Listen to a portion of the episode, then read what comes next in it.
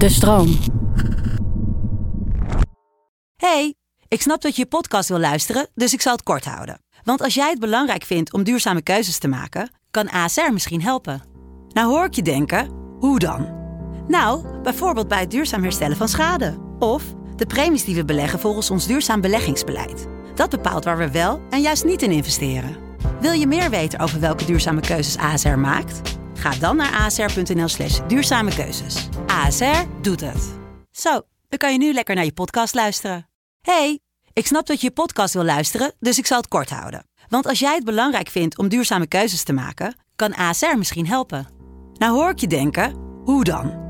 Nou, bijvoorbeeld bij het duurzaam herstellen van schade. Of de premies die we beleggen volgens ons duurzaam beleggingsbeleid. Dat bepaalt waar we wel en juist niet in investeren. Wil je meer weten over welke duurzame keuzes ASR maakt? Ga dan naar asr.nl slash duurzame keuzes. ASR doet het. Zo, dan kan je nu lekker naar je podcast luisteren. Nou, warhoofd. Ja, vind je? Ja, maar jij loopt heel vaak tegen dingen aan. Is Ja. dat ook eh, chaos creëren?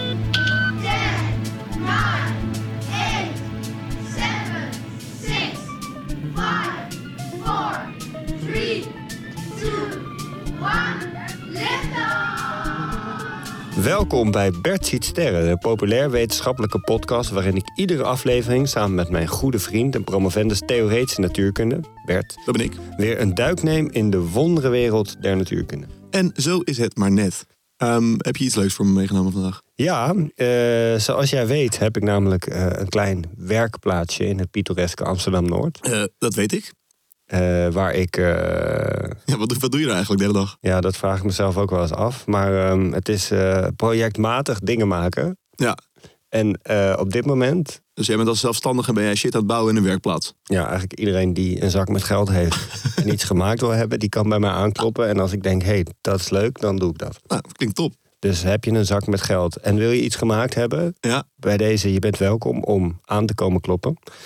Maar op dit moment ben ik voor een groot eh, wetenschapsfestival een eh, enorme Rube Goldberg machine aan het bouwen, een kettingreactie. Mhm. Ehm, en eigenlijk is de machine, die is eh, drie meter hoog en ongeveer 10 meter breed. Die is te groot voor de werkplaats. Ja. Dus de helft van de tijd zijn we bezig met het verplaatsen van dingen in de werkplaats... zodat er weer een stukje van de machine gebouwd kan worden. ja, ja. En een van de dingen die dan de hele tijd mee verhuist... is een poster die een van de jongens met wie ik die werkplaats heb... heeft gemaakt en ontworpen en Ja. heel mooi gezeefdrukt. Eh en dat is een poster over entropie. Ja, Eh, en het is een, eh, je ziet daar op allemaal netjes bovenaan allemaal vierkantjes naast elkaar. ja. En die vormen allemaal rijen. En naarmate de rijen verder naar onder zijn, vallen ze weer uit elkaar en wordt het één grote chaos. Mhm. Maar tijdens het verhuizen van die poster Ja, heeft hij dus een week lang per ongeluk niet aan de muur gehangen, maar in een soort keukenhoekje gelegen. Omdat Ja. we allebei niet dachten, hé, hey, dat is eh, een poster. We dachten, oh, dat ligt daar prima. Mhm. Toen is hij best wel smerig geworden, wat een beetje zonde is. ja, dat is zeker jammer. Maar ik dacht, eh, volgens mij heeft dat ook iets met entropie te maken. Dat de poster nu meer entropies, entro en meer entropie heeft Ja, dan eh, daarvoor, omdat hij vies is. Klopt dat? Ehm, nou, een beetje. Eh, en omdat het dus maar een beetje klopt, wilde ik het graag Nou ja, nee, hebben dat, met eh, jou over entropie. Fair enough, fair enough. Dus de eerste vraag die ik dan eh, aan je heb, uiteraard. Je Ja. voelt het misschien al een klein beetje Ja, aankomen. ik, ik, ik, ja, er hangt iets in de lucht. Bert, wat is entropie? Ehm, entropie is een maat voor de wanorde in een systeem. En wanorde, dat betekent dan Ja. de willekeur in de onderdeeltjes waaruit een, of de onderdelen waaruit een systeem is opgebouwd. En nou weet jij natuurlijk net zo goed als ik inmiddels dat in de natuurkunde systemen altijd opgebouwd zijn uit Atomen. bijvoorbeeld of andersoortige deeltjes. Nou, noem het eens dan. Eh, nou ja, je kan ook een molecuul hebben, een Ja, luchtmolecuul maar dat, een, waar het is een molecuul opgebouwd, Bert. uit atomen. Dus als ik atomen zeg, Ja, noem mij deeltjes die niet opgebouwd zijn uit atomen. ja, klopt. Maar je kan ook bijvoorbeeld een pak knikkers hebben en dan kan je ook de entropie van uitrekenen. Eh, maar waar zijn knikkers uit Ja. opgebouwd? Maar het is niet zo dat die entropie komt niet altijd uit atomen. Maar dat kan ook uit andere, uit, uit onderdelen Oh, in het manier. algemeen. Ja. Dus, dus dat, eh, dat wil ik hiermee zeggen. Ehm, en als we bijvoorbeeld kijken naar de studio waar we hier zitten. Die is gevuld met lucht. Daar ben ik wel blij om hoor. Ja, daar ben ik ook wel blij om. Eh, en die luchtdeeltjes die zitten kriskras door de ruimte verspreid, overal. Ehm, en de wanorde van die deeltjes is heel groot. En daarmee bedoel ik je kan heel veel verschillende manieren verzinnen hoe al deze luchtdeeltjes hier om ons heen zitten. En wij zullen het verschil niet merken. Dus er is een hele grote onderliggende willekeur in welk luchtdeeltje precies waar zit. En voor ons is het altijd hetzelfde. En Nou, stel je voor dat bijvoorbeeld eh, alle stikstof om jouw hoofd gaat zitten. ja, of gewoon alle zuurstof om alleen op mijn hoofd gaat zitten. Ja, nee, maar dat zou je inderdaad niet merken. Dan zou je misschien iets Nou, beter jij wel, nadenken. er zit er geen zuurstof om jouw hoofd heen. Ja, dus eigenlijk maakt het wel een beetje uit, toch? Ja, maar dat is het punt. Die, dat, dat is heel erg onwaarschijnlijk dat dat gebeurt. Maar echt heel erg onwaarschijnlijk. Dat Mhm. precies in, een, in deze ruimte hier eh, een situatie krijgen waarin alle zuurstofmoleculen om mijn hoofd rondjes gaan draaien. Dus, Dus die toestand waarin die wanorde, die willekeur het grootste is, de toestand met de hoogste entropie, dat is de toestand die het vaakste voorkomt. maar wa- wat is dan een voorbeeld van iets met een hele lage entropie? Eh, nou ja, een, een, een kamer waar alle luchtdeeltjes aan één hoekje van de, van de ruimte zitten. zitten eh, Ja, oké, maar iets wat echt bestaat. Waarvan de kans aannemelijk is dat het bestaat. een heel ingewikkeld apparaat waarbij bepaalde onderdelen heel precies op hun plek moeten zitten, heeft een lagere entropie. Want dat is in, in een grotere mate van orde. De onderdelen die zo'n systeem maken, die ehm, moeten op een hele specifieke plek zitten als het een heel ordelijk systeem is, bijvoorbeeld een ingewikkelde machine. Terwijl in een bak met water kunnen die onderdelen, namelijk de watermoleculen, gewoon overal gaan zitten zonder dat je het verschil merkt.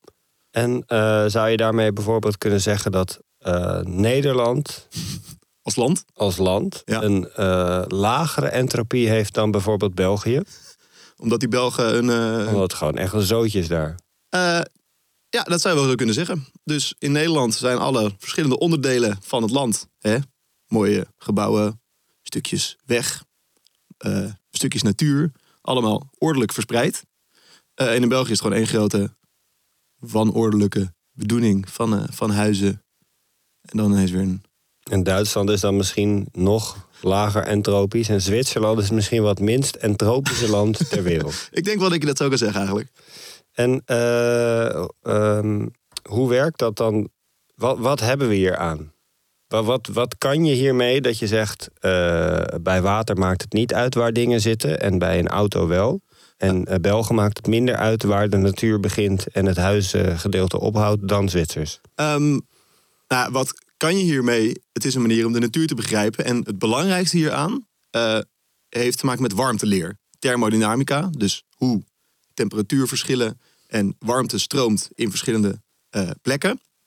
En de belangrijkste wet van entropie, en een van de belangrijkste natuurwetten van altijd, die zegt dat de entropie in een gesloten systeem altijd toeneemt. Dus als je een systeem hebt wat afgesloten is, zo goed als dat gaat, van eh, de rest van de wereld, dan zal de, de wanorde altijd toenemen in een systeem. En het omgekeerde is ook waar. Je kan nooit zomaar uit een systeem eh, de wanorde halen en de orde inbrengen. Dat moet je altijd arbeid verleveren. Dat kost altijd, kost je altijd iets. En dat is een enorm, nou echt een, nou, een van de meest fundamentele natuurwetten die ik ken, Tim. En ik ken er veel, kan ik je zeggen. Wat eh, kan je met die wet? Wat, wat, wat maakt hem zo fundamenteel? Nou, het is de basis voor, voor hoe we heel veel processen begrijpen waarin, waarin warmteuitwisseling eh, een rol speelt. En nou ja, in vrijwel alles om ons heen speelt warmteuitwisseling een rol. Dus stel je eens voor, hè? Jij zit Ja. op, het, eh, op het dek van je woonboot Ja, eh, en je hebt een groot blok ijs bij je tuurlijk. Ja. om je pils koud te houden. Of je limonade. Het lijkt me heel onwaarschijnlijk, dus heel hoog entropisch. Precies, want dat ijs heeft een relatief lage entropie. Want die watermoleculen in zijn ijskristal die zitten allemaal geordend op die plek. Eh, nou, dat is een laag entropische toestand. Maar bovendien is dat ijsblok geen gesloten systeem. Dus op het moment dat je dat ijsblok zou kunnen afsluiten in een hele goede eh, eh, isolerende kast, Eh, een vriezer bedoel je? bijvoorbeeld. Maar ja, dan, moet je, nou, dan gaan we lopen wel een beetje op de zaken vooruit. Maar in ieder geval, stel dat je het even heel goed kan isoleren. nou, dan blijft die toestand in dat geïsoleerde systeem, dat ijsblok, blijft dan best wel lang in zo'n toestand van lage entropie.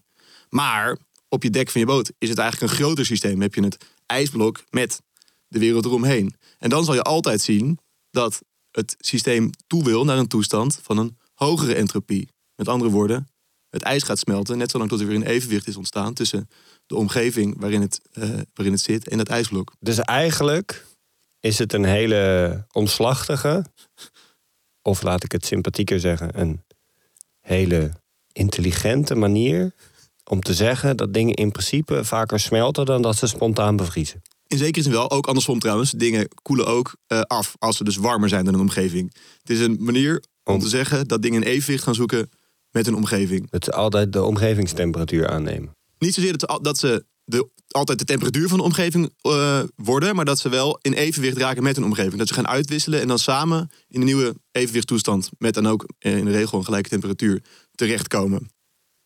En andersom werkt dat dus niet zomaar. Dus dingen bevriezen niet spontaan. En Nou, ook het, niet als het buiten heel koud is en je gaat met een bak met water naar buiten. Ja, maar dan zal dus ook die bak met water een nieuwe evenwicht aangaan met eh, de omgeving. Dan wordt die inderdaad wel kouder.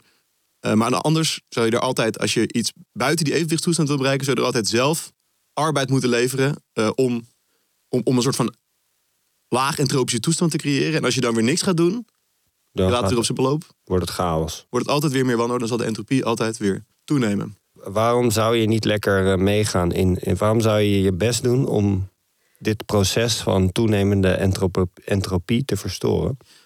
Nou, omdat de eh, processen waarbij je entropie verlaagt, dus meer orde aanbrengt, dat zijn eigenlijk altijd dingen die voor ons gewoon nuttig zijn. Het kan soms nuttig zijn om dingen koud te maken. Het kan soms ook nuttig zijn om stoomturbines te maken. Het kan ook nuttig zijn om dingen zo te bouwen in de wereld dat ze een bepaalde orde hebben. Dus dat is eigenlijk iets wat je juist wel wil, want anders dan wordt het één grote grijze brei.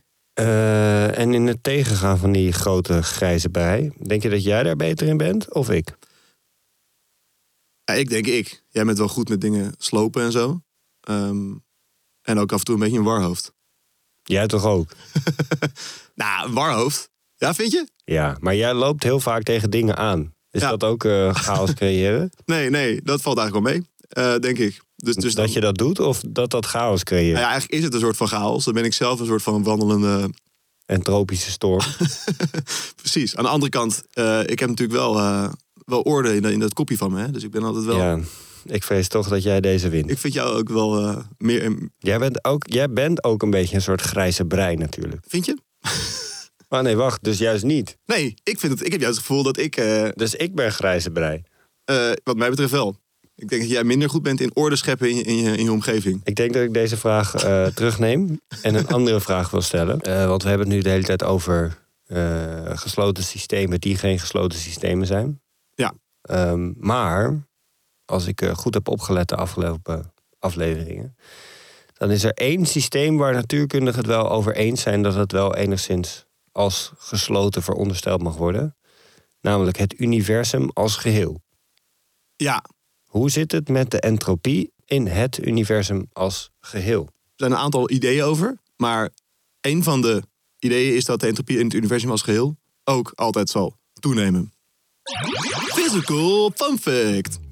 Wat is het uiteindelijke lot van het universum? Een van de theorieën hiervoor is dat het universum als geheel uiteindelijk in een toestand van maximale entropie terechtkomt. En alle onderdelen van het universum zijn dan met elkaar in evenwicht, waardoor het nooit meer mogelijk is om ergens warmte uit te halen of ergens orde aan toe te voegen. Dat wordt een hele statische, saaie boel dus. Of een beautiful mess? Zo kan je het ook noemen. Ehm, ja, maar eigenlijk is dat niet saai, toch? Want alles zit overal en het is één chaos. Is, het is zo raar dat, dat jij zegt dat het saai is. Nou, maar als er nooit meer warmteuitwisseling kan zijn, als, deeltje, als, als, als onderdelen van het systeem nooit meer eh, een, een nieuwe verandering kunnen gaan aangaan, dan wordt het wel saai. Maar dan vraag ik me toch af, hè, want op aarde doen wij eh, enorm ons best om de entropie juist te verlagen. Ja, Door klopt. dingen te ordenen en te verzamelen. En, ehm, maar dat, dat gaat toch in tegen het toenemen van de intergalactische entropie. Dat zou je denken, maar dat is niet zo, want de aarde is geen gesloten systeem. Want we halen bijvoorbeeld heel veel energie uit de zon.